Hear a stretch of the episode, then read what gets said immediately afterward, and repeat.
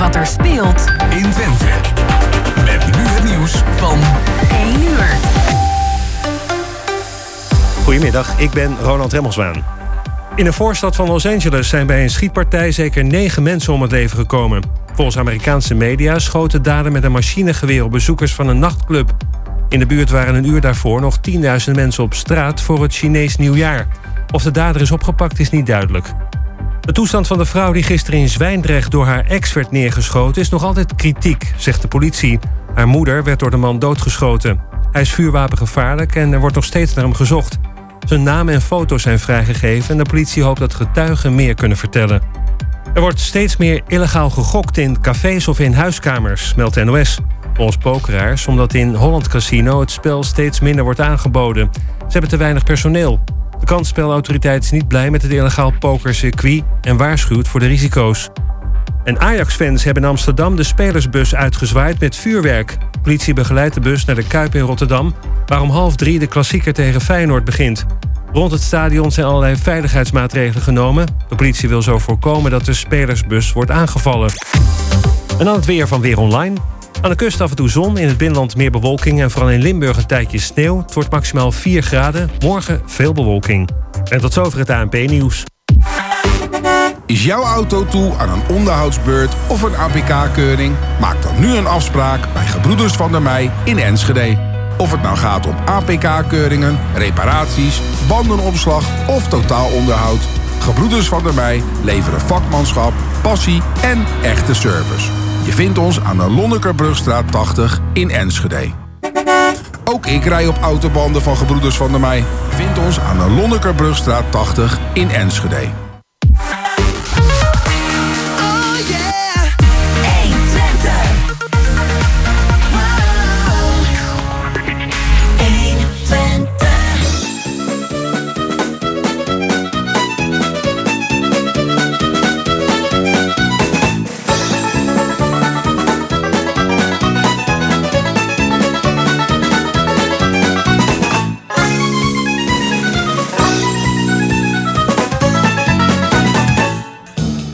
Ja, het is weer tijd voor kwartetten op zondag 22 januari. Hele koude zondag, bubber, bubber, bubber. Ideaal om lekker thuis bij de radio te luisteren.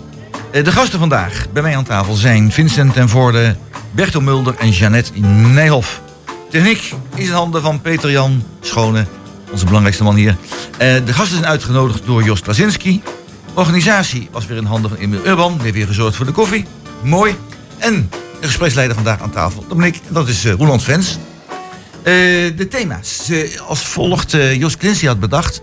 Het zou een leuk idee zijn als we ook onze gasten een eigen thema konden inbrengen. Niet alleen ik dat als gespreksleider doe, maar dat ook ja, onze gast had kunnen doen. Nou, en dat is gebeurd. Dus we hebben er drie gasten en drie thema's. En het eerste thema is ingebracht door Vincent de Voorde. Vincent de Voorde, en jij bent PvdA-man, dus gemeenteraad. Klopt. Klopt, fractievoorzitter geloof ik ook. Ook nog? Dat doe ook, ook nog fractievoorzitter, ja. Kijk eens anders, we hebben hier een, een belangrijk persoon. Nou. En je hebt ingebracht, de spoedpost Huisartsen Hengelo blijft s'nachts open. Uh, waarvoor heb je dat ingebracht? Nou, omdat ik dat wel een heel belangrijk thema vind. Uh, we werden volgens mij een aantal maanden geleden onaangenaam verrast door de sluiting van de spoedpost s'nachts. en even los van de reden van sluiting, die begrijp ik volledig. Huisartsen die toch enorm onder werkdruk te lijden hebben. Um, we hebben daar uh, vanuit uh, de fractie uh, aandacht voor gevraagd. Ik weet dat ook in de Provinciale Staten daardoor een aantal fracties ook aandacht voor is gevraagd. En um, ja, er was een onderzoek in opdracht gegeven om te kijken hoe de situatie opgelost kon worden. En dat onderzoek is, is stopgezet en de spoedpost, spoedpost blijft s s'nachts open. En ik vond dat wel een hele mooie. Omdat, um, nou, we hebben natuurlijk ook duidelijk gemaakt dat wij vinden dat Hengelo een volwaardig ziekenhuis nodig heeft. een stad met 80.000 inwoners die op termijn ook wil, wil gaan groeien verdient ook gewoon een, een, eigen ziekenhuis. Daar hoort wat ons betreft ook een spoedpost bij. Dat mensen niet naar Almelo of Enschede moeten, uh, moeten rijden... Uh, op het moment dat zij, dat zij klachten hebben... of op het moment dat zij een spoedpost willen bezoeken. Dus ik vond dat wel een hele, een hele positieve. dus ik werd van dat nieuws in ieder geval wel heel blij. er zit nog wel een andere component aan. En ik denk dat we daar ook met z'n alles over moeten hebben. dat de huisartsen ook wel heel duidelijk hebben aangegeven... ja, we gaan aan de voorkant wel ook kijken... wie heeft die zorg dan ook daadwerkelijk nodig En ehm, daar zat er toch een beetje een onderligger onder van... eh, nou, dat, dat mensen ook wel een spoedpost opzoeken... op het moment dat het misschien niet helemaal nodig is. En zeker s'nachts denk ik van... Nou, ja, ehm, ga je naar spoedpost op het moment dat het echt spoed is... of ga je naar spoedpost omdat je misschien een second opinion wilt... of misschien omdat je je misschien niet helemaal lekker voelt. Dus dat zat er denk ik als signaal ook wel achter... wat de huisartsen in ieder geval eh, ons wilden meegeven. Ja. Dus eh, ja, die Berinke Helmstra, die, die heeft er een opmerking over dus gemaakt, stond in de krant. Mensen zullen echt moeten beseffen dat zorg niet oneindig is. Klopt. Nou het, signaal, waarom de spoedposten natuurlijk in eerste instantie gesloten zouden worden, is natuurlijk dat de huisartsen hier in Twente enorm onder, de, onder druk staan. Er is een tekort aan huisartsen. Nou, daar eh, moet volgens mij vanuit eh, niet alleen de lokale politiek, maar ook de regionale. En dan kijk ik ook even naar Jeanette, natuurlijk ook vanuit de Staten eh, actie opgezet worden. Want er is gewoon een tekort aan huisartsen. Die werkdruk is enorm hoog. Maar dat betekent ook dat mensen moeten beseffen dat zorg niet oneindig is. En dat betekent ook dat ze volgens mij ook ehm, misschien wat vaker de afweging moeten maken op het moment dat ze een huisarts opzoeken. Of inderdaad zo s'nachts een spoedpost opzoeken. Heb ik dat echt nodig? Of kan dat misschien ook wachten tot, tot ja. morgen? Ik ga even naar, eh, naar, Jeanette toe. Jeanette, eh, ehm, ik weet niet of dat, wat ik nu ga zeggen bij jou past. Ehm, ik hoorde een jaar of twee geleden ongeveer het verhaal van een huisarts. En die, die, die klaagde bij mij, ja, in een privé situatie. Die klaagde bij mij over het feit van, ja, we krijgen hier iedere maandagmorgen, eh, komt hier een gezin. Eh, vader, moeder, kinderen, ook wel eens oma en opa komen mee. En die willen altijd weten of ze nog gezond zijn.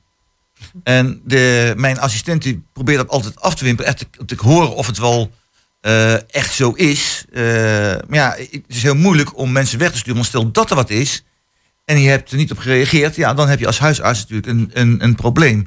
Maar als een heel gezin komt, je bent zo, ben je twintig een minuut, een half uur ben je kwijt met zoiets. En ja, dat kan ik met die drukte, kan ik dat nauwelijks eh, permitteren. Nou, het huis is natuurlijk met die mensen overlegd. Maar ze zeggen van ja, in het land waar wij vandaan komen, daar hebben wij die mogelijkheid helemaal niet. In Nederland die mogelijkheid wel. We zijn dus heel dankbaar voor dat we van die gelegenheid gebruik kunnen maken. Jeanette, wat vind je daarvan? Nou ja, kijk, eh, en, en dat komt wel een beetje weer terug op, op de opmerking die ook eh, gemaakt is van eh, het moet wel spoed zijn. Het kan niet zo zijn dat je iedere week even voor gezondheidscheck gaat. Natuurlijk, als er wat is en spoed en spoed, ja, wanneer is het spoed? Maar als iemand nou s'nachts, want s'nachts komt altijd alles toch weer wat eh, erger op je toe. Hè, je voelt je niet goed en op het moment dat je erover nadenkt, dan denk je zelfs dat je hartkwaal of weet ik veel wat.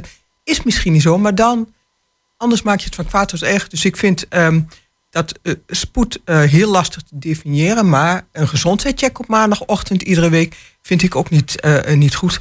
En eh, ja, we hebben daar, eh, want ik zit hier natuurlijk met een dubbele pet vanuit eh, raadslid en, en statenlid. hier allebei. Ehm, ook, ook inderdaad in de provinciale staten met de woordvoerders daarover over gesproken in, in een ehm, uitgebreide infosessie. Want wat het grootste probleem is, zijn niet de mensen die voor de gezondheidscheck komen, maar de bureaucratie. Die huis, huisartsen die zeggen, we zijn zoveel tijd kwijt aan alle papieromslomp. En als daar wat in, ik denk dat dat het belangrijkste zijn om daar wat in te veranderen. Dan denk ik dat er wat meer lucht komt. En dan kunnen spoedposten eh, in, in, in de benen houden.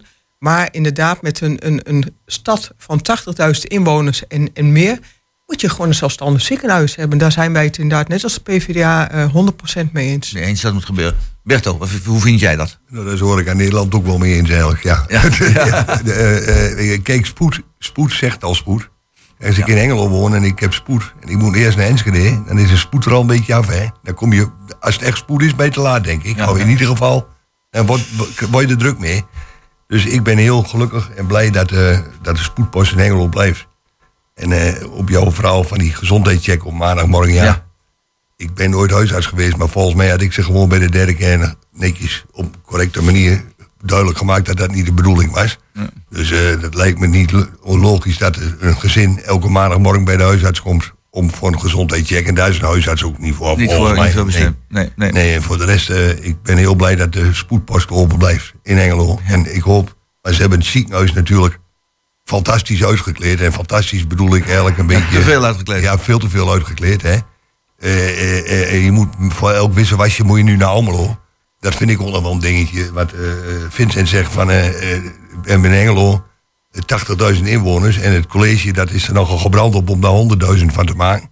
Dan wordt, Ja. toch ook Theedoden, dan wordt toch ook Theedoden een verzoenlijk ziekenhuis bij gekregen. De voorzieningen horen Ja. daarbij. Ja, dat is natuurlijk Is ook wel de, de onderliggende gedachte. We hebben natuurlijk laatst ook aandacht gevraagd voor een ABN AMRO... die hier zijn kantoren sluiten Ja, in, in Hengelo. ja. En dat is natuurlijk niet... eh, kijk, eh, uiteindelijk, eh, ABN AMRO is een commerciële organisatie... die maakt daar eigenlijk zijn eigen bedrijfseconomische afweging in. Maar het is wel het signaal wat je daarmee afgeeft aan, aan inwoners. Hè. De, de dienstverlening eh, komt steeds meer op afstand te staan. Is, hè, bij de spoedpost is dat de gezondheidsdienstverlening... bij een bank is dat de financiële dienstverlening. En ik ken heel veel mensen in mijn omgeving, eh, met name ouderen... eh, die gewoon niet in staat zijn om hun bankzaken online te regelen. En die nog wel voor bankzaken ook gewoon fysiek bij een bank naar binnen, binnen willen lopen. En als dat soort voorzieningen in een stad als Hengelo verdwijnen... dan zijn we volgens mij echt op de verkeerde weg bezig. Dus nou, ik ben heel erg blij dat we het hier met elkaar eens zijn... dat Ja, ja. die spoedpost behouden blijft. En dat we ook moeten gaan kijken hoe we de huisartsen in deze regio... eh, ook eh, eh, kunnen ondersteunen, zodat het werk erin, ja. wordt. Nou, daar zijn ze volgens mij nu regionaal mee bezig. Maar er zit wel een onderliggende gedachte over, onder van... hoe willen wij het voorzieningenniveau in deze stad op peil weten te houden? En dat is niet alleen de gezondheidsvoorzieningen. Trouwens, een volwaardig ziekenhuis hoort daar inderdaad ook bij. Maar het zijn ook andere voorzieningen zoals... nou, kan ik ook... heb ik een postkantoor in de buurt? Heb ik een bank in de buurt waar ik binnen kan stappen? Heb ik een gemeente waar ik ook gewoon fysiek binnen kan Ja, stappen? dat is, dat is ook een op, puntje. een, op het punt dat ik met iets zit. Eh, ik weet dat, dat eh Jeanette heeft bijvoorbeeld eh, aandacht gevraagd voor een energieloket. Ja. Nou, ja. weet je, is er een, een, een, plek waar ik binnen kan stappen als inwoner op het moment dat ik een hulpvraag heb? En dat vinden wij vanuit de Partij van de Arbeid heel belangrijk.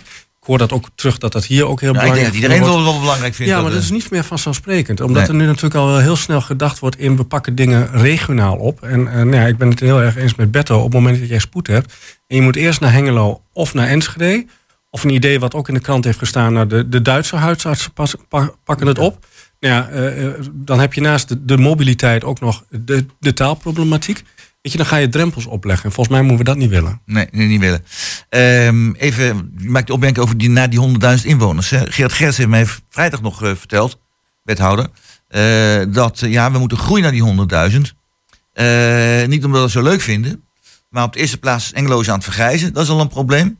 En het tweede is, zegt hij op een gegeven moment, willen wij de, het huidige voorzieningenbestand dat we nu hebben, wel in stand houden en mogelijk eventueel nog verbeteren, dan zullen we wel een grotere gemeente moeten worden, anders raken we het kwijt. Klopt. Dus hij zegt van, eh, dus dat is de reden. Niet omdat wij zo leuk vinden, omdat wij zo arrogant zijn, maar echt het gaat om dat wij, eh, dat wij voor onze eigen inwoners dat belangrijk vinden. Ja, dat klopt. En daar heeft Gerard volledig gelijk in. We hebben het daar natuurlijk ook in de coalitiegesprekken over gehad. En waarom is die schaal- schaalgroei nodig? Nou, die is niet nodig omdat we eh, dat als doel gesteld hebben om te groeien naar 100.000 inwoners. Maar heel terecht wat je zegt, omdat we zien dat de bevolking vergrijst. En dat betekent dat we, als we de voorzieningen op peil willen houden, als we ook eh, de werkgelegenheid op peil willen houden, dan moeten wij die schaalgroei gaan maken. Eh, maar dat betekent dat we nu ook wel bewaken met z'n allen dat de voorzieningen die er zijn, dat die ook gewoon blijven behouden. Uh, maar heel terecht, de schaalgroei op zich is niet een doel. Het is een middel om die voorzieningen te Ja. behouden. Ja, ja precies. Het mee eens? Zo te zien wel. Ja, daar ben ik het inderdaad wel mee eens. Eh, het mag geen doel zijn. Het mag bijvoorbeeld niet het doel zijn van... joh, als we naar 100.000 inwoners gaan... dan komt er meer geld vanuit het Rijk. Dat is een Nee, dat is- dat is niet bijkomstigheid, het maar dat mag nooit inderdaad de reden zijn. En als we daar naartoe groeien... maar goed, als, eh, het wordt aangegeven een vergrijzing... maar op het moment dat eh, eh, toch het inwonersaantal op peil blijft... dan zien we al dat het op een gegeven moment gaat groeien. Want dat betekent dat er meer kinderen bij komen. Hè, En dus, dat, ehm, dan, dat, dan dat er eh, wat, wat ehm, wegvallen. En als het gewoon een, iets is wat gebeurt, eh, eh, prima. Faciliteiten op peil houden is belangrijk. Maar zorg dat de stad aantrekkelijk is. Zodat je inderdaad ook mensen ehm, eh, voor de, de economie van en bedrijven deze kant op trekt. Want dan krijg je vanzelf dat de stad gaat groeien. Als hier grote bedrijven zich meer vestigen en niet vertrekken. Dan krijg je dat mensen van buitenaf hier komen gaan wonen. En dan krijg je vanzelf die schaalvergroting. Nou, dat, dat is een hele belangrijke, wat je net ook zegt. Hou die stad aantrekkelijk. Eh, hou die stad aantrekkelijk voor jonge eh, gezinnen. Hou die stad aantrekkelijk voor starters op de, op de arbeidsmarkt. Eh, en dat betekent dat je een stad ook qua voorziening op peil moet houden. En dat betekent dat je, nou, we hebben het net al over een ziekenhuis gehad. We hebben net over, over andere voorzieningen gehad. Maar dat betekent ook dat je je culturele voorzieningen op peil houdt. Dat betekent ook dat je een binnenstad hebt die aantrekkelijk is. Eh, dat betekent dat je voldoende woningen hebt die, eh, die gebouwd worden voor verschillende segmenten. Zodat je ook eh, een aantrekkelijke stad bent in de volle breedte. En dan ben ik zeker, helemaal eens met Jeanette, dan komt die groei. En nogmaals, het is niet een doel op zich. Natuurlijk, op het moment dat wij een grotere stad zijn, hebben we ook een grotere stem richting Den Haag en richting Zwolle om daar ook financiële middelen voor te krijgen. Maar het moet niet het doel op zich zijn. Nee, wij willen een aantrekkelijke stad worden. Met een groot voorzieningenniveau. En dan komt die groei vanzelf wel. Daar ben ik het helemaal met je net eens. Ja, Oké. Ben je het er mee eens? Ja, ja, ik, weet je, Ja, vind- ja, ik, ik ja, zag jou een beetje moeilijk kijken. Nou, nee, nee, dat is, dat is mijn dagelijks gezicht. eh, ik, eh, ik, eh, ik ben het in principe wel eens. Kijk, als een stad 100.000 eh, inwoners kan worden, van 80 naar 100.000 inwoners kan groeien, dan moet je daar zeker niet voor gaan liggen. Maar dan, ik, het verbaast me wel een beetje dat op sommige andere punten dus de boel juist ingekrompen wordt. En dat, dat vind ik jammer. Bijvoorbeeld, kijk, als je hier nu straks, eh, eh, stel je voor, je hebt over een, een, een tegen aantal jaren 100.000 inwoners. En je wilt een groot concert geven hier in deze stad. Waar, moet, waar moet je dat dan doen? Het, eh, het, het evenementenplein is daar te klein voor. Hè? Het, het huidige evenementenplein. Als je echt een groot concert... Het marktplein is prachtig geworden, maar daar kunnen we geen concert, Nee, niet kunnen we geen, geen concert meer geven. Dus dan noem ik zomaar even een, een ding op uit onze eigen... maar waarom dat, dat, dat zijn dingen, daar, daar wordt dan nu niet over nagedacht. Terwijl er wel na, over nagedacht wordt om naar die 100.000 inwoners te gaan. Ja. En zo zijn er natuurlijk nog wel meer voorbeelden eh, eh, aan te halen. Aan de andere kant, er zijn ketens die willen alleen zich maar vestigen in een stad met meer dan 100.000 inwoners. Ook dat. Dus, dus Ja. precies, dus eh, ik, ik sta er een beetje dubbel in. Een beetje dubbel in. Ja. Ik, Vincent. ik, ik wil nog wel even twee dingen toevoegen. Want eh, die, die 100.000 inwoners, dat is natuurlijk. We hebben dat natuurlijk op een gegeven moment ook in het coalitieakkoord gezet. Dat op termijn willen we daarna groeien. Maar nogmaals, dat is geen doel op zich. Hè. We willen groeien omdat we eh, zien dat we het voorzieningenniveau op peil willen houden. Dus op het moment dat wij eh, die 100.000 inwoners niet halen, dan is er in één keer niet dat doel behaald. Of dat is in één keer niet. Nee. Ehm, dan, dan, dan zijn we op de slechte weg. Wij, wij willen groeien en op termijn is 100.000 inwoners, is daar volgens mij een ambitie die we hebben uitgesproken, eh, die we daarbij willen behalen. Maar dat betekent ook dat je als stad keuzes moet gaan maken. En eh, volgens mij de, de, de, de onderliggende keuze is, ehm, waar zijn wij van? Kijk, we hebben natuurlijk te maken met een grote centrumgemeente als Enschede. eh, die op nog geen 10 kilometer afstand van, ons, van onze stad ligt. Die natuurlijk een hele andere uitstraling heeft. Toch ook echt een, een grote, grote gemeente is met alle eh, plussen en minnen die daarbij komen kijken. Heeft natuurlijk ook het geluk dat er zowel een, eh, een universiteit als ook een hogeschool gevestigd is. Maar dat betekent dat we als Hengelo niet moeten proberen een tweede Enschede te worden. Volgens mij moeten wij proberen dat wij een, een stad worden die een eigen identiteit heeft, die een eigen cultuur heeft, die keuzes maakt gericht zijn op de eigen stad. in plaats van dat wij streven Enschede te worden. Ja. En dat betekent dus ook dat je keuzes maakt. Moet je inderdaad, eh, je gaan richten op, nou, om even jouw voorbeeld te pakken, Berto. eh, moet je hele grote concerten willen gaan organiseren? Of eh, is een festijn als de Nacht van Hengelo, of is een festijn als de Tropical Night, zijn dat dingen die bij Hengelo passen? En dat zijn volgens mij de keuzes waar je gewoon ook Ja. met elkaar over in Ja, gesprek moet maken. was gewoon even een voorbeeld. Ik, heb- er zijn wel meer voorbeelden natuurlijk. Die, die, de, de binnenstad, compacte binnenstad zijn ze mee bezig. Dus compact, het zegt al wat. Hè?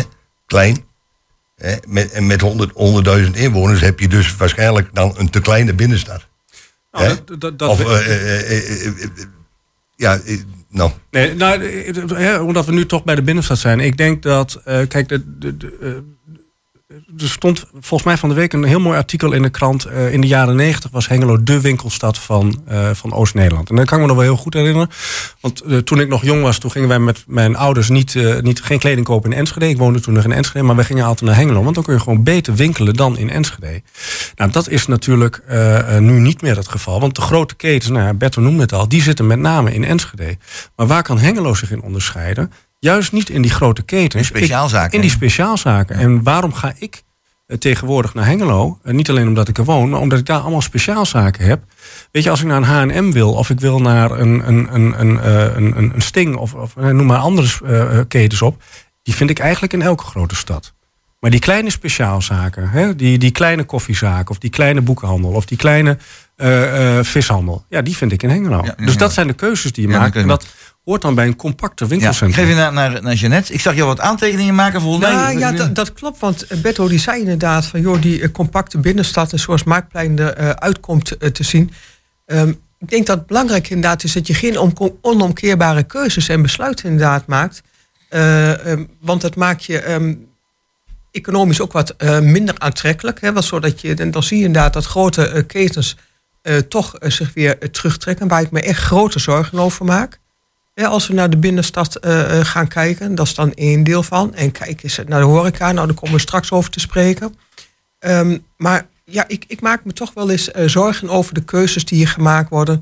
Die wellicht in, in, de optiek van de PVV niet helemaal doordacht zijn op voor op de lange termijn. En misschien waar wat, toch wat, ehm, ja, toch misschien te snel een keuze is gemaakt als ik naar de binnenstad kijk, ondanks dat die er straks leuk uitziet, eh, of die inderdaad wel toekomstbestendig is. Ja, inderdaad. We gaan naar het eh, eerste muziekje van vandaag. En dat is van eh Louis Capaldi. Ja, inderdaad. En dat is eh, Forget Me. Nou, liever niet.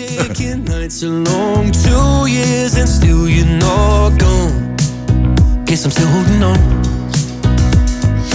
Drag my name through the dirt, somehow it doesn't hurt though. Your friends you want me dead and said that I did everything wrong. And you're not wrong. Well, I'll take all the vitriol, but not the thought of you moving on.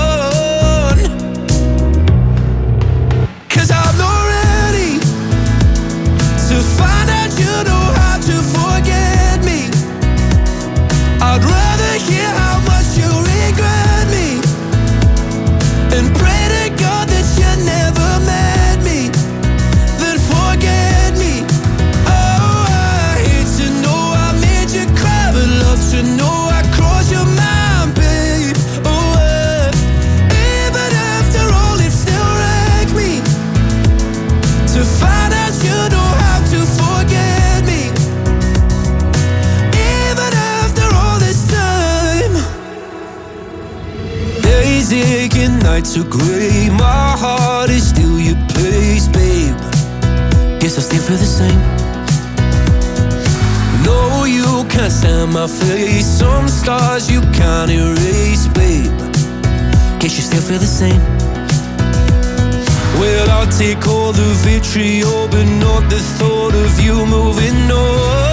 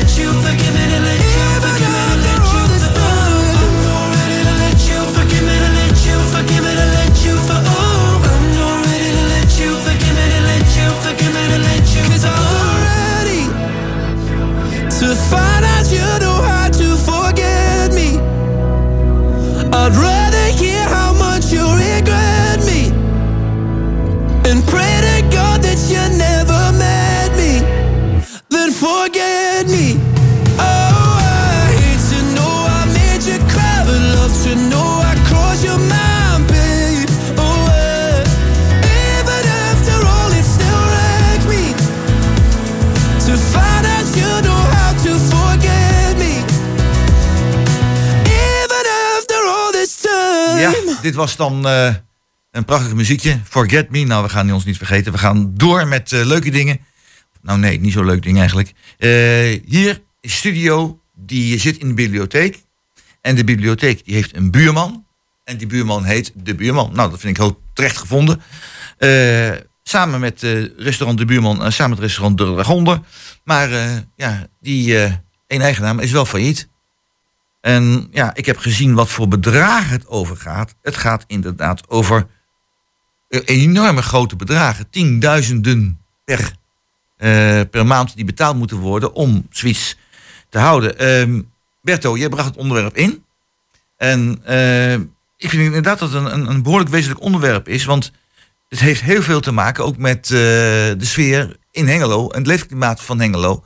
Dat wij een goede horeca hebben. En als mensen eh, failliet gaan of wegblijven. De beren vestigen zich niet, onder andere ook niet. Dat is geen goed teken. Eh, hoe kijk jij er tegenaan? Vertel eens.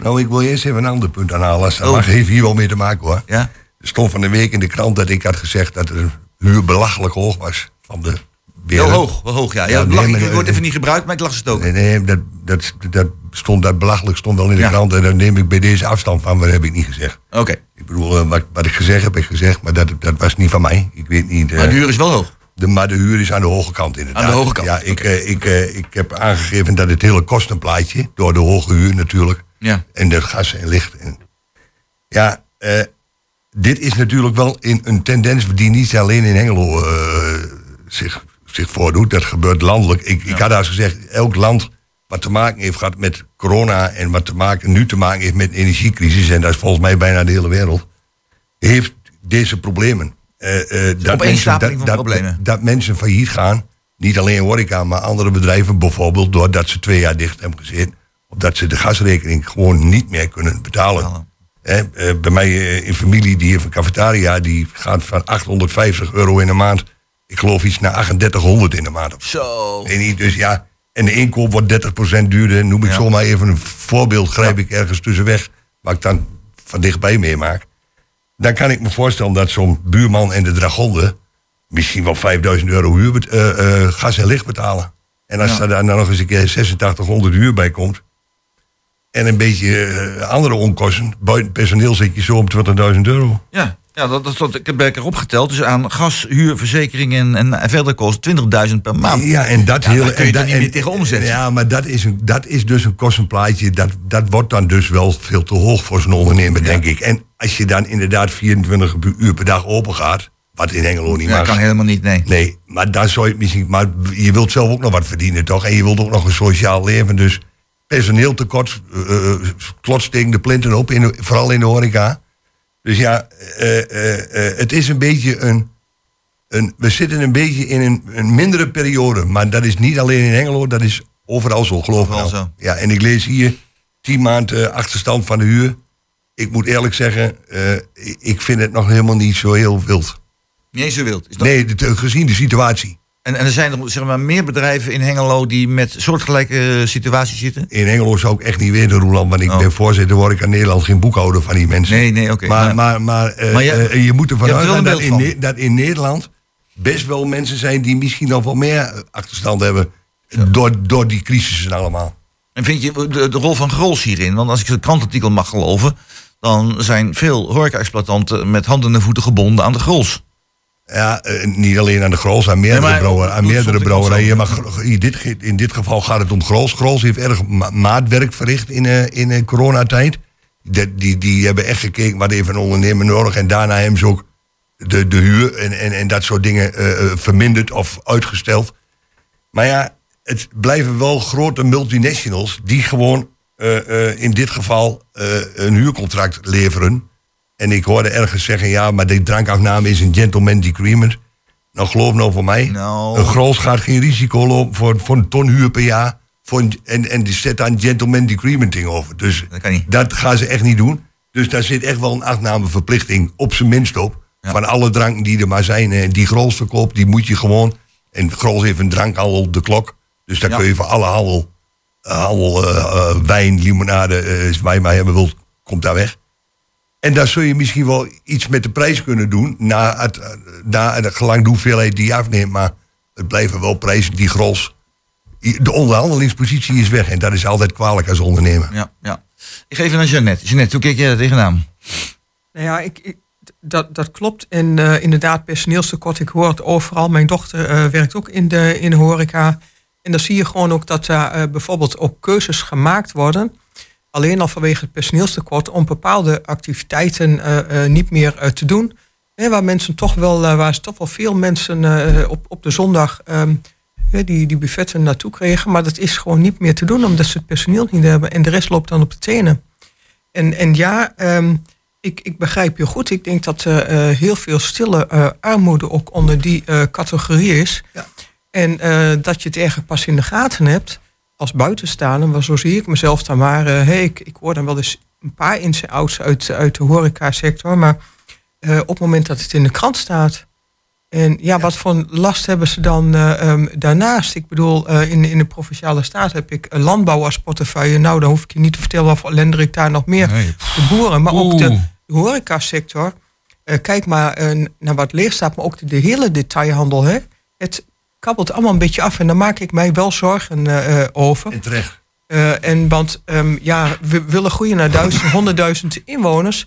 Ja, je voorzieningen, want dat zijn toch ook de winkels. Horeca en ook je horeca. Het kabbelt wel helemaal af. Het, en er blijft op een gegeven moment niks meer over. Want die groten die willen niet komen. En de rest kan zich op een gegeven moment niet meer met het hoofd boven water houden. Dus ja, hoe gaan we dat doen met elkaar? Wat is er nou nodig? En ik weet het niet, maar dan kijk ik Bert hoor. Misschien heb je daar toch wel een idee van. Wat zou er nou nodig zijn om daar weer wat vlot te kunnen trekken? Zodat we het hier gezond houden in Hengelo. Het eerste probleem die doet zich volgens mij voor bij de huur. Want de huur is eh, gekoppeld aan de waarde van het pand. Dus als een huurbaas eh, eh, zegt van weet je, je bent een goede ondernemer, je hebt hier jaren gedraaid, maar je kunt nu de huur niet meer opbrengen door allerlei crisissen en allerlei pechsituaties. We gaan de huur eh, structureel verlagen. Dan gaat zijn pand ook in waarde naar beneden. Ja. Dus dat zouden ze los moeten koppelen. Zodat een huurder eh, kans heeft. Als, de- als er een situatie ontstaat, bijvoorbeeld zoals nu met corona, dat zo'n huurbaas kan zeggen van weet je, we doen dit of we doen dat. Als het voor die huurbaas uit kan. Hè, maar dat, dat, doet, dat doen ze nu niet zo makkelijk. Om, nogmaals, omdat de waarde van het pand daaraan gekoppeld is en die gaat dan naar beneden. Dus dat, dat zou voor mij de, iets wezen. En ik, dan, ik, in de horeca, maar eh, ik denk dat de detailhandel daar ook mee te maken heeft. Ja. Vincent. Nee, helemaal, helemaal mee eens. Kijk, er komen natuurlijk een, een, een aantal zaken samen nu... eh, waar de horeca, maar ook de detailhandel last van heeft. Hè. We komen natuurlijk uit een, een coronaperiode... waarin eh, eh, heel veel zaken dicht zijn geweest... eh, en, en schulden hebben moeten maken die ze nu nog meenemen. Nou, we hebben het personeelstekort, waar je net, net al over had. En dan hebben we natuurlijk ook het feit dat we gewoon... eh, in een crisis zitten voor wat betreft eh, eh, de, de, de hoge energieprijzen, de hoge inflatie. Dus dat betekent dat mensen wel gaan kijken van waar kan ik het geld aan uitgeven. En uiteindelijk kun je je geld maar één keer uitgeven. En dan wordt er wel gekeken van ja, eh, eh, ga ik die avond naar, het- naar het café of ga ik boodschappen halen? Hè? En dan chargeer ik hem even. Ehm, Of maar, maar, ze licht betalen. of, of gas en licht Of betalen. betalen, hè, want ja. je- Op de zieken, want op dat niveau zitten we bij een hele groep, grote groep inwoners al. Die echt een afweging moeten maken van wat kan ik het eerste betalen en wat moet ik betalen. En dan zijn eh, detailhandel en horeca met name dan toch eh, sectoren die daar dan heel veel last van, eh, van gaan hebben. Ehm, ja, en we moeten toch kijken hoe we het gezamenlijk redden. Dus ik vind de oplossing van Van om te zeggen van nou hoe gaan we, hoe gaan de verhuurders kijken naar die huurprijzen? Hoe kunnen we daar ook als, als verhuurder eh, ehm, eh, een rol in spelen om toch die kosten te verlagen voor de horeca? Vind ik een hele belangrijke. Want uiteindelijk een binnenstad. eh, kijk, we hebben straks een heel mooi groen marktplein. eh, maar als daar geen cafés en winkels omheen zitten die de mensen naar de binnenstad trekken. eh, dan hebben we nog niet een levendige binnenstad. Dus volgens mij moeten we daar ook met z'n allen naar kijken. Daar zie ik in eerste instantie niet zozeer een rol van de politiek. Maar toch wel meer een rol ook voor de verhuurders. Om samen met hun huurders ook in gesprek te gaan. Van ja, jongens, we hebben nu een moeilijke periode. We weten dat jullie het lastig hebben. Maar hoe gaan we daar gezamenlijk uitkomen? Want Uite- uiteindelijk hebben de, de, de verhuurders er ook geen baat bij als het ene naar het andere café of winkel failliet gaat eh, en, en, en locaties leeg staan. Oké. Er zijn gelukkig ook Maar zou er die het nog wel goed doen. Hè, Zou maar- ook niet helpen om wat minder bureaucratie te hebben? Want als je ziet, als je een bedrijf hebt of wil vestigen of wat dan ook. Dan, ik, ik zie Jeannette zie ik Ja, springen op haar stoel. Dus ik, Jeannette- ik, ik gun deze aan Jeannette. die wil dat. zeker. Ik vraag het als je net. Ik vraag het als je net. Nou, Vincent zegt van, joh, daar zit geen rol voor de politiek. Maar ehm, als je dat wilt, eh, wat Bertel zegt, de huur en de waarde van het pand los wilt koppelen... dan heeft dat met de WOZ-waarde te maken. En daar gaan wij dus als gemeente wel degelijk over. Dus Aha. ik denk dat we juist een hele grote rol zouden eh, kunnen hebben. Nou. en misschien kunnen we daar ons, eh, elkaar daar wel in vinden. Nou, laat ik, Laten hem we dan, nu, kijken wat we laat ik het dan nuanceren. In eerste instantie is het wel tussen de, de, de verhuurder en de huurder. Hè, want uiteindelijk de verhuurder die bepaalt natuurlijk ook de, de huurprijs. En eh, weet je, als dat niet kunt, dan komt natuurlijk de politiek in het spel. Maar in eerste instantie is het wel een... Precies, maar ik hoor wel een beetje vanuit wat Beto zegt. Van, ja, een, een huurbaas gaat dat niet zo snel doen als een pand daardoor heel erg in Omdat waarde daalt. omdat zij eh, investeringsobject dan eh, eh, in waarde, eh, ernstig in waarde, vermindert. Nee, dus, dus daar zit wel iets. Dus ja, ik, Dus dat zou, als ze dat misschien loskoppelen... moeten we daar inderdaad toch wel eens eh, naar gaan kijken. Willen we die stad eh, levendig houden? En ook nog het potentie tot doorgroei hebben. Hè? Kom ik toch even weer naar die schaalvergroting. ehm, wat wij daar wel als politiek, als gemeente mee kunnen doen. En ja, misschien hebben we Den Haag en Zwolle ook nodig. Maar ja, misschien alleen al eens om het gesprek erover te hebben met elkaar. Nou, dat vind ik wel een hele mooie, want het probleem speelt natuurlijk niet alleen eh, in, in Hengelo. Hè. Enschede, daar komt de Beren natuurlijk ook niet naartoe. Dus Nee. je ziet ook wel eh, eh, landelijk dat dit, dat dit speelt. Eh, dus heel terecht om toch, toch eens te kijken van, nou, eh, eh, Ja. De wat, wat zou... heeft landelijk gezegd dat ze geen nieuwe initiatieven gaan bouwen. Nee, klopt. Zij concentreren zich op een... Maar goed, dat is natuurlijk wel iets waar zowel Enschede als Hengelo op dit moment last van heeft. Omdat En wij dat- natuurlijk op die lijst stonden van nieuwe Enschede zelfs twee keer. Hij, hij, hij- ja. als, dat de ene is nog niet zeker, maar dat, werd- er werd al een twijfelgeval eh, genoemd. Ja? Goed, dan gaan we naar het eh, volgende muziekje. En dat is wel heel toepasselijk. Dat heet You Get What You Give van die New Radicals.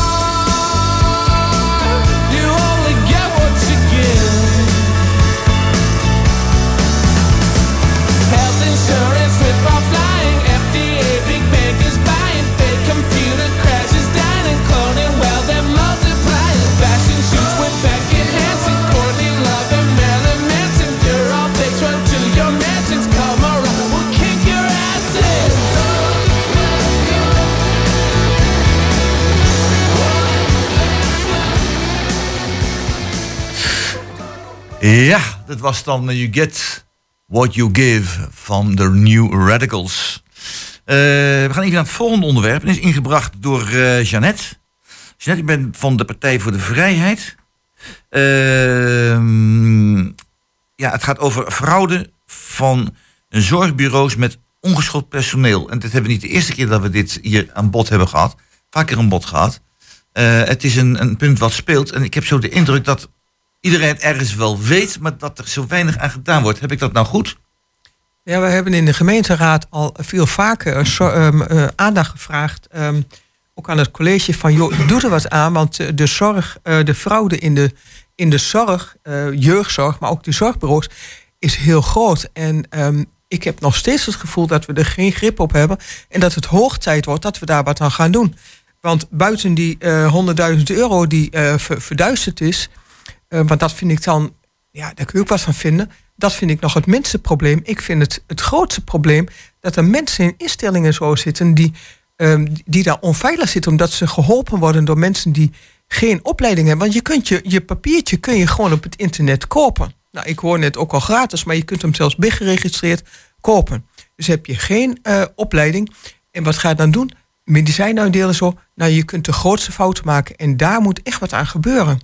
Dus dat is iets waar wij eh, de komende tijd ook weer aandacht voor gaan vragen. Want nu moeten stappen gemaakt worden. En wat we dan moeten doen. Natuurlijk moet je de gang ook naar eh, Den Haag maken. We moeten hier in, eh, in Hengelo echt acuut mee bezig. Want het is niet de eerste.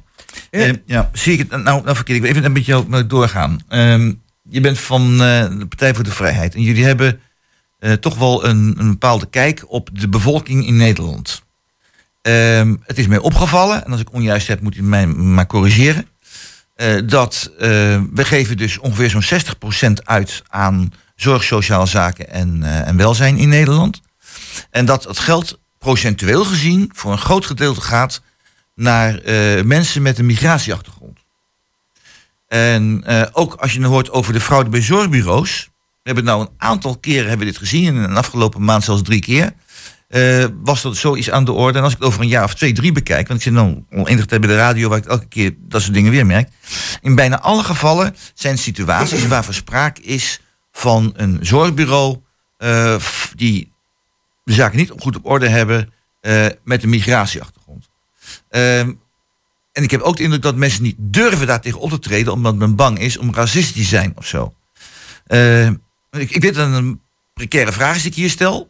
Eh, maar we zijn hier met z'n drieën en eh, ja, met z'n vier eigenlijk. Dus. Maar ik zou het graag van jou willen horen, maar ik vraag het ook aan de twee anderen van hoe je daar nou tegenaan kijkt. Is het niet zo dat we nou eens gewoon moeten zeggen van zodra er sprake is van fraude, ongeacht de achtergrond van iemand, dat altijd zo krachtig mogelijk ingegrepen moet worden? Absoluut. En ik wil ook niet die discussie gaan vermengen door het hier over ehm, immigratie of achtergrond eh, te hebben. Dus dat dat buiten, mensen van buitenlandse afkomst zijn. Want dan haal ik het onderwerp, dus het, het belang van het onderwerp haal ik naar beneden. Het Ja, staat los van ehm, welk ieder zorgbureau, eh, of dat nou, ehm, ja, of die nou blank, zwart, het maakt, maakt me niet uit. Maar het gaat mij om de veiligheid van de mensen die gebruik maken van die zorg, van die zorginstellingen. Daar gaat het om dat ze veilig zijn. En Ja. ja, ja die, eh, die eh, fraude, dus dat ze geld in eigen zak laten verdwijnen. Ook nog vaak weer eh, eh, deels overheidsgeld vanuit PGB's en dergelijke. Vind ik schandalig. Moet ook echt sterk tegenop getreden worden. Maar ik maak mij meer, nog veel meer zorgen over de veiligheid van de mensen die daar zitten. Ja. En dat vind ik. En, En, daarom eh, wil ik eens discussie niet, niet vermengen. Eh, want dan eh, doe ik het onderwerp niet. Oké. Ehm, dus het gaat om de veiligheid dus van de mensen. Ehm, ja, vlak voordat dat ze dit onderwerp aansneden in de, tijdens het muziekje... hebben we ook even gezegd van... eh, mensen krijgen daardoor niet de zorg die ze moeten krijgen... of die krijgen juist verkeerde zorg, zo gezegd. Is, is dat het waar je op, op, op duidt? Ja, absoluut. Ik kom zelf van oorsprong ook uit de zorg. Op het moment dat er iemand door suikerziekte... eh, er is een keer in de nachtdienst toen een, een, ehm, een, een, ja, een voorval gehad... dat iemand over, die was ziek. Die heeft dus wel gewoon zijn... ehm, en dat was wel geschoold personeel. Ga ik vanuit hoor. Dat is ook alweer... ehm, ik- ga niet zeggen hoe lang, want dan weten jullie hoe oud ik ben. Heel lang geleden. maar eh, dat iemand overdag wel zijn insuline heeft gehad, maar niet gegeten heeft. En die raakte s'nachts in coma. Ja, dat zijn al dingen die dus zelfs met geschoold personeel, maar iemand die er geen verstand van heeft, die weet niet wat je dan op dat moment acuut moet doen. Nou, tegenwoordig mag je al niks meer. Als je niet acuut regelt, is iemand dood. En dat soort dingen Ja. zullen voor gaan vallen als mensen ongeschoold daar zitten. eh, de verkeerde medicijnen geven. Want kun jij dan al zien, we- weet jij dan nog eh, wat voor medicijnen je hebt? Nou, dat is al een hele studie op zich. Dat ben je zelf aan soms als je, als je- Precies. als je een paar tegelijk Precies. hebt. Ja. Maar ook inderdaad de zorg. eh, het signaleren van lichamelijke problemen. eh, dat er tijdig gesignale- gesignaleerd wordt. Daar heb je echt opleiding voor nodig. En dat kun je niet gewoon even een papiertje van het internet halen. En dan denk ik, ik lees wel een boek en ik weet het wel. Ik vind het ook schandalig dat mensen überhaupt personeel aannemen. Dus er zou een veel strengere controle op moeten. En niet alleen als je papiertje hebt geregistreerd. Nee, neem eens contact op waar ze gewerkt hebben. En hebben ze nog niet gewerkt in de zorg? Ehm, neem dan eens contact op met de school. Zijn ze daar wel bekend? Ja. Hè, dus ik, ik vind, dat vind ik, ja, daar maak ik me echt heel erg zorgen zorgen over. over. Vincent. Ja, ik, ik deel die zorg eh, van- Jeanette deel ik. Eh, eh, zowel voor wat betreft eh, de, de fraude die gepleegd wordt. En, en eh, ik sluit me helemaal aan bij wat Jeanette heeft gezegd. Even los van achtergrond en los van eh, wat dan ook. Eh, als er fraude gepleegd wordt, moet dat gewoon aangepakt worden. Ehm, maar ook ehm, het, het probleem van zorg die wordt gedaan door ongeschoold personeel. Weet je, dat, dat kan gewoon echt niet. Dat is gevaarlijk. En daar moeten we geloof ik ook harder tegen optreden. En dat betekent dus ook dat je... Hoe, hoe, doe je dat nou, dan? eh, Dat, dat bruggetje wilde ik maken, want we zijn natuurlijk als gemeente ook bezig met een transformatie binnen het sociaal domein. Ja. En een van die onderdelen wat voor ons in ieder geval als Partij van de Arbeid heel belangrijk is, is dat je de inkoopsituatie gaat veranderen. Dus dat betekent, op dit moment hebben we aanbesteding binnen de zorg. Dus dat betekent dat er aanbesteed wordt en daar kunnen partijen op inschrijven. Eh, en volgens mij moeten we naar een ander soort situatie, een ander soort relatie ook met onze zorgaanbieders. Omdat je dan ook gewoon aan de voorkant, maar ook tijdens het, het- de, de, de, de, de zorg die geleverd wordt, eh, ook veel dichter op die zorg zit. En dus ook veel strenger kunt gaan controleren van wordt nou daadwerkelijk ook de zorg geleverd die geleverd moet worden. Wordt die ook geleverd door personen die ook gediplomeerd zijn om die zorg te leveren. En je hebt ook een veel betere controle ehm, eh, op de financiële middelen die, gaan, die, eh, die, ehm, eh, die ehm, uitgegeven worden. Dus volgens mij moet je naar een andere inkoopsituatie, weg van aanbesteden en wat meer richting een subsidierelatie. Die echt gaat kijken van welke zorg is er geleverd. Is die op de juiste manier geleverd? Is die ook geleverd door het personeel wat daar ook bevoegd toe is? En als dat allemaal afgedekt is, dan krijg je inderdaad de vergoeding die daar tegenover hoe ga je nou staat. om met de situatie nu van die meneer Elio, hè? die advocaat die ook eh, woningen heeft, die die verhuurt, eh, die een beetje in opspraak was, maar die nou met die, eh, die Syrische vrouw, die analfabete vrouw, stond dus in de, in de krant, en die daar waarschijnlijk door hem gestimuleerd is om niet met de gemeente in zee te gaan, maar met het zorgbureau van zijn familie in zee te gaan. Hoe, Ja, dat, kijk, moet- dat, dat, dat lijkt me ook iets. Het kan goed gaan hoor, maar het kan ook best niet goed ja, gaan. maar even los. Ik, ik ken niet alle details van deze, van deze case. Maar uitgebreid in de krant, maar ja. de- ik- dat kan, dat klopt. Ik lees niet elke dag de krant. Maar eh, even los van de situatie. eh, als ik het zo hoor, en zoals jij hem schetst, wordt er wel gebruik gemaakt van, eh, ehm, eh, van, iemand die blijkbaar niet in staat is om zelf stukken te lezen, om zelf te bepalen wat, voor, wat voor zorg er geleverd wordt. En dat vind ik een gevaarlijke. Ehm, en daar moet volgens mij tegen opgetreden worden. En hoe? Ja, volgens mij moet je daar als gemeente veel strakker op zitten. Veel strakker op veel, zitten. veel strakker op zitten. En dat kan onder andere door inderdaad een andere eh, inkoopsituatie te gaan doen. Een andere manier van hoe gaan wij die zorg inkopen. Weg van aanbesteden en meer richting subsidie. En zou er eh, zeg, maar, eh, zeg maar de PGB's in feite afgeschaft moeten worden. En dat je dan als gemeente dan veel meer kunt zeggen van nou, we onderzoeken dezelfde situatie. En wij bepalen wat voor zorg iemand heeft. En door deskundigen. En wij verlenen dan die zorg. Volgens mij, eh, dat, dat zou een tweede stap kunnen zijn. Maar volgens mij moet je eerst gaan kijken hoe je als gemeente... hoe wil je de relatie inrichten met je zorgaanbieders. En moet je inderdaad ook, want dat is volgens mij ook iets wat op dit moment speelt... dus dat we heel veel zorgaanbieders hebben. Ik zie soms voor verzorgingsflats en voor, eh, eh, eh, voor, zorginstellingen... zie ik heel veel verschillende busjes en auto's staan van... ik weet niet hoeveel zorgaanbieders. Ja. Volgens mij moet je ook gaan kijken dat je de aantallen gaat terugbrengen. Want daardoor heb je als gemeente ook veel meer regie op die aanbieders. En als je dan ook nog eens naar een andere eh, inkooprelatie gaat, dan heb je als gemeente zit je wat meer ook.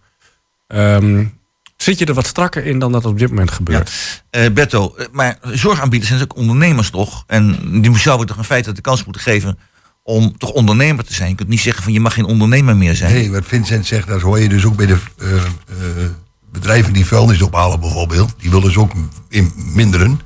Ja. Dat, volgens mij moet je dat niet doen. Maar iemand die denkt dat hij ondernemer moet worden, die moet dat gewoon lekker laten doen. Maar, eh, ja, dan heb je twintig zorginstellingen die... eh, ja, maar ja, goed, als, als, dat te veel, als er dat te veel zijn, vallen de zwakste maar af, toch? Hè? Nou, bl- blijkbaar is dat tot nu toe niet het geval. Nee, nou goed, Dus- maar dat komt omdat een heleboel. Concurreren is wat- moeilijk, wat- je net zegt, net, er zijn eh, eh, eh, diploma's van internet af te halen, big geregistreerd en wel. ja. Eh, Volgens mij moeten ze beginnen om dat eens alles eerst strafbaar te stellen. Hoe, dat weet ik niet. Ik, ik werk niet bij justitie, maar volgens mij moet dat gewoon zwaar strafbaar worden. Iemand die die diploma's dus uitgeeft, big geregistreerd, die helemaal niet behaald zijn. Maar je ligt in bed als zorgbehoevende, misschien wel hu- hulpeloos, hopeloos, eh, hè?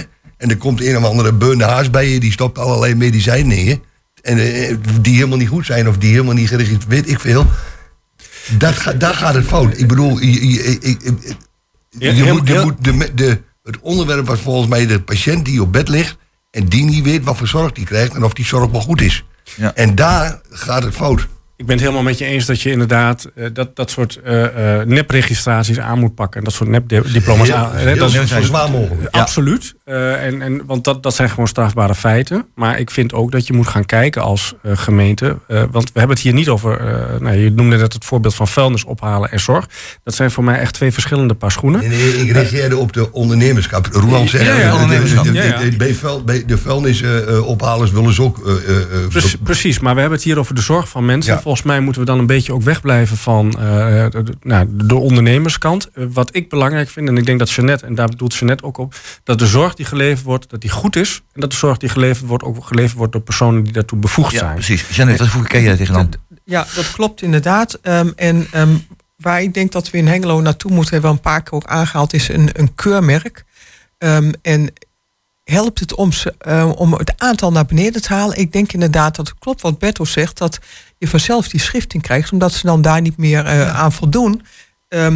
Maar wa- wat, wat ook wel iets is, en dat ziet bij meer gemeenten hoor, zijn toch echt in hun eigen bubbel wel bezig. Kijk, Almelo die heeft het ehm, al een paar jaar terug gewoon goed aangepakt. Daar zijn ze echt goed bezig met, die, ehm, met dit fenomeen.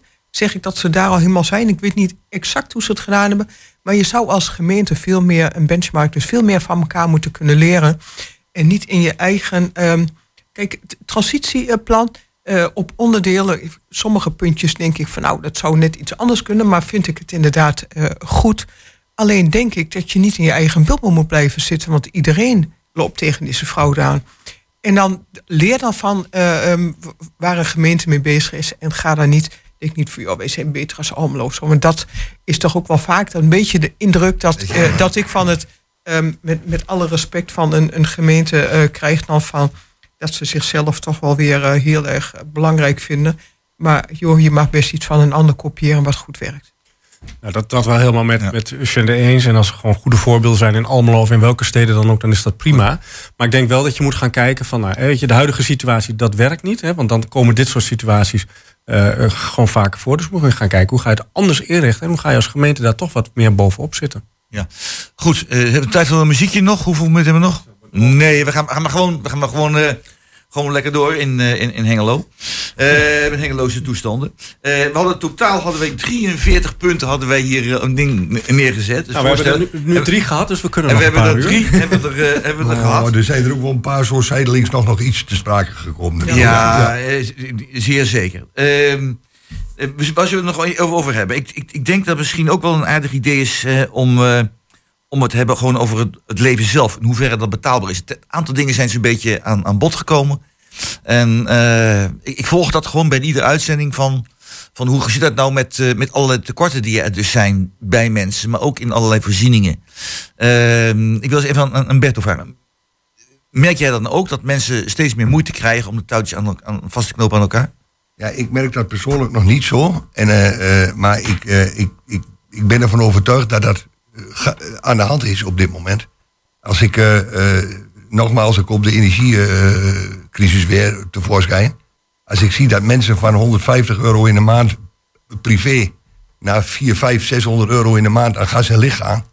Dan eh, eh, hoef ik verder niet zo heel veel uit te leggen. Dat dat stukje loon wat nu extra naar de energie gaat, elders er komt elders komt mensen dat tekort. Ondernemers die waar het normaal uitgegeven wordt.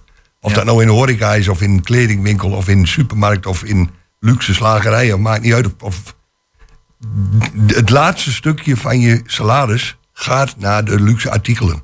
Gaat, wel, gaat dat ten koste van de kwaliteit van het leven, zou je kunnen zeggen, of niet? Dan eh, ga ik ervan uit dat dat het eerste is wat mensen laten staan. Ja. Eh, eh, het restaurant, de dure kleding, de kroeg. Want wat het leven mooi maakt, dan raak je kwijt, zo Ja, ik, dat weet ik niet of het leven speciaal is dat het echt het leven mooi maakt. Maar dat zijn wel de eerste de, doel, beroepsgroepen die daar direct mee te maken krijgen, denk ik. Ja. En ik denk dat dat nu, ik denk nu op dit moment, je ziet nog allerlei tegemoetkoming van de regering. voor de minima en zo. En wat heel, heel fijn is, want ik ben bang dat er, ze zitten nu mensen durven amper de kachel aan te doen. Maar ik ben Ja. bang dat soort mensen die, die onder die categorie vallen van de minima, daar helemaal eh, bevriezen in huis bijna. Dus dat is heel fijn. Maar dat houdt een keer op. De regering is natuurlijk niet een oneindige bordeloze schatkist. Nee. Eh, eh, en dan zullen ze het met hun eigen minima, minimale uitkering of salaris moeten doen. En dan wil ik wel eens kijken wat er dan aan de hand is. Ga- eh, Je ziet er vrij somber in, zo gezegd. Nou, eh, eh, als deze tendens zich voortzet, Zet. zie ik het inderdaad vrij somber in. Maar wat ik ook hoorde, ben ik eh, gelukkig dat de energieprijzen weer enorm gaan zakken. Zakken, ja. En ik ben. Naar normale niveaus, zo gezegd. Ja, mijn vader die zei vroeger van de Tweede Wereldoorlog altijd... die was nog geen tien minuten afgelopen toen de, de Joden alweer zaken met de Duitsers. En ik hoop maar dat Rusland... ja, dat, maar Ja. ik, ik, ik hoop maar dat Rusland dat ook eh, gaat doen. Eh, dat wij dat ook weer... met- Maar wij, op een of andere manier hebben we dat Russische gas nodig. En eh, Poetin die, die, die zal vast wel een keer met pensioen gaan. En dan hopen we dat er fatsoenlijk het voor terugkomt. Ja. Goed, Vincent. Als Poetin met pensioen gaat, dan wordt het allemaal weer beter. Eh, Dat, dat, dat geloof ik niet, want als Poetin met pensioen gaat, eh, dan zal er vast en zeker iemand eh, anders opstaan die in de lijn van Poetin regeert. Dus we moeten niet de illusie hebben dat als Poetin weg is, dat dan de oorlog is afgelopen en dat dan alles weer pijn en vree is. Ehm, hoe kijk je de ik- situatie van de hengelozen op dit moment? Hoe kijk je nou, ik, heel veel mensen hebben het gewoon ontzettend moeilijk. Heel veel mensen hebben het moeilijk vanwege de hoge energieprijzen. Die zitten in huizen die, ze, onvoldoende, of die onvoldoende geïsoleerd zijn, waardoor ze enorm hoge energiekosten hebben. Maar daarbij komt ook nog dat eh, door de hoge inflatie ook de boodschappen, ook de benzine, de brandstof, alles is enorm duur. We zien wel dat het nu wat terugzakt, maar we weten niet over hoe het, hoeveel het over een paar maanden eruit uitziet. Terecht wat Berto zegt, heel blij met alle maatregelen die de regering heeft genomen om mensen te ondersteunen. We hebben ook in Hengelo hebben we nog een aparte regeling, eh, unaniem als raad eh, in het leven geroepen om mensen extra nog te ondersteunen. Maar die, die, eh, die schatkist is natuurlijk niet oneindig. En eh, op een gegeven moment zal dat ophouden. En dat betekent dat we eh, toch moeten gaan kijken hoe we ook, ja. structureel mensen kunnen gaan helpen. Nou, volgens mij is het duidelijk dat ook de, de lonen in Nederland omhoog moeten. Dus de mensen die het minste verdienen, dan moeten die lonen echt van omhoog. En laten we heel eerlijk zijn, de mensen die het meest verdienen, die moeten ook meer gaan bijdragen. Ja. Ik ga nu nog eens je net als laatste. Ja, en in, die armoede, de, de, de minima wordt iedere keer genoemd. Maar persoonlijk denken wij als PVV dat net boven die grens de echte, de, de meeste ehm, knijp zit. Hè? De mensen eh, die vallen net overal buiten, maar die zitten met dezelfde problematiek. Die kunnen niet, hoe erg het ook is als je naar de voedselbank moet, daar met een volle boodschappenkar de deur uitkomen, waar ze al voor een deel in voorzien zijn in de boodschappen. Nee, die moeten het allemaal echt de dubbeltjes omdraaien. Ehm, en ehm, ja, of het allemaal ehm, weer wat goedkoper gaat worden. Nou, ik, ik moet het allemaal nog zien. Maar ik maak me daar, eh, ik maak me daar echt wel, wel zorgen over eh, hoe we dat eh, met z'n allen hier op gaan lossen. Ik ben wel heel blij dat we als raad hier ook unaniem gezegd hebben... we gaan ze inderdaad ook die groep tegemoet komen. En dat er ook nog een budget is om richting het, ehm, de woningen... wat, nou ja, zodat die re- energierekening naar beneden gaat. Dus al die maatregelen, dat we daar ook nog als raad mee bezig gaan. Goed, we, je moet het laatste gesprek beëindigen. Bij mij aan tafel zaten als gasten Vincent ten Voorde, Bertel Mulder en Jeannette Nijhoff. Techniek was in handen van Peter Jan Schoon en heeft het weer fantastisch gedaan. Hè?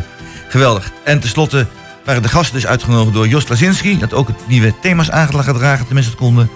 De organisatie is in handen van Emiel Urban.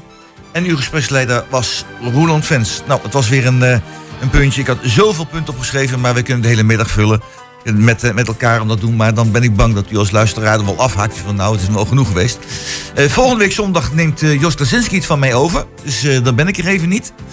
Ik heb een, groot familiefeest waar ik echt bij zou moeten zijn. Ik wens u een hele fijne zondag. En nou, tot over 14 dagen dan. Dan zijn we er weer met kwartetten. Bedankt.